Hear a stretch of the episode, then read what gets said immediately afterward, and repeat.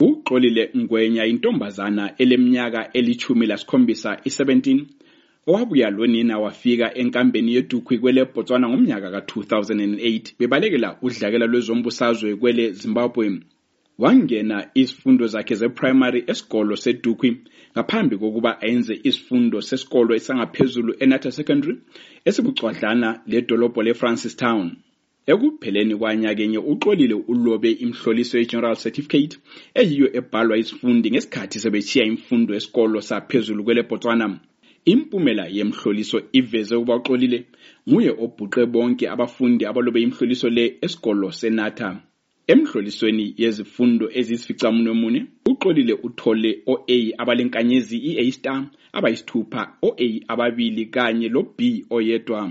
Utshele istudio 7 ukuthi noma nje ebhase kakuhle ukujabula kwakhe kufuphaliswa yikuthi kulobunzima ekuqhubekeleni phambili ngezifundo zakhe ukuya ekolitshini Basile uform 5 wami nge-6 A stars, 2 A's and 1 B. Konke lokhu kwenzakele ngokuzinikela kwami emfundweni yami nezibusiso zikaNkulunkulu. Kodwa kathesi i-challenge engilayo ukuthola isponsor sokuqhubekela phambili. Nxa ngingasithola nginesifiso ukufunda i-actuarial science.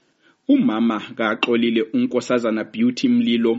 Uthi bekungalula ukukhulisa uxolile ngoba behlala enkambeni yedukhwi engasebenzi. Babhadalelwa i-school fees i-skill share UNSCR kodwa entweni ezifana le-grocery yesikolo. Njengomzali kumele uzibonele. Bengizibonela njalo kangisebenzi bengisenza ama-piece job. Yikho ede ngincedisa ngakho uxolile khona ngale esikoleni umamlilo uthi udubo oselikhona ukuthi uhulumende kanye lenhlanganiso yebona ezeziphepheli kayincedisi izifundi uma sesiphutsha izifundo zesikolo se-secondary. Uthi khathesi bakhangele ongokuphathisa uxolile ukuze akwazi ukufeza amaphupho akhe ngokuqhubekela phambili ngezifundo zakhe.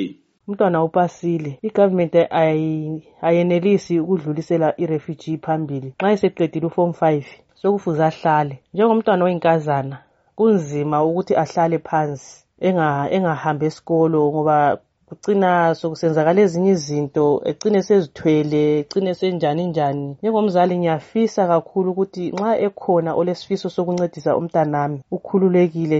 Isikhulumi njalo engobona ngenhlalakahle yesiphepheli edukhwi umnumzana bheka impilo weza uthi okwenziwe ngoxolile kuyabukeka njalo kuyadingeka ukuthi ancediswe ukuze aqhubekele phambili.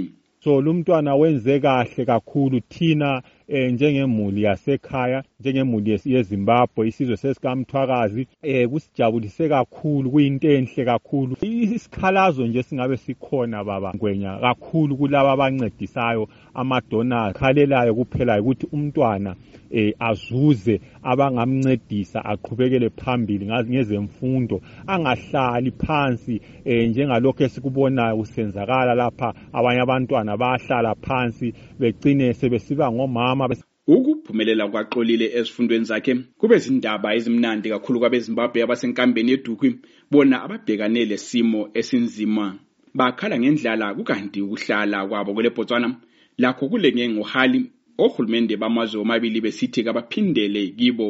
Iningi lezifundi lehluleka uqhubekela phambili ngemva kokuqeda izifundo ze-secondary kodwa uxolile kafisi ukuzithola ekulesi simo. Abalesifiso sokuphathisa uxolile lingaxhumana lonina plus 267 719 134 37 ngiyaphinda njalo plus 267 719 134 37 ngingumartin ngwenya oyindaba zestudio 7 ngisehabron kwele botswana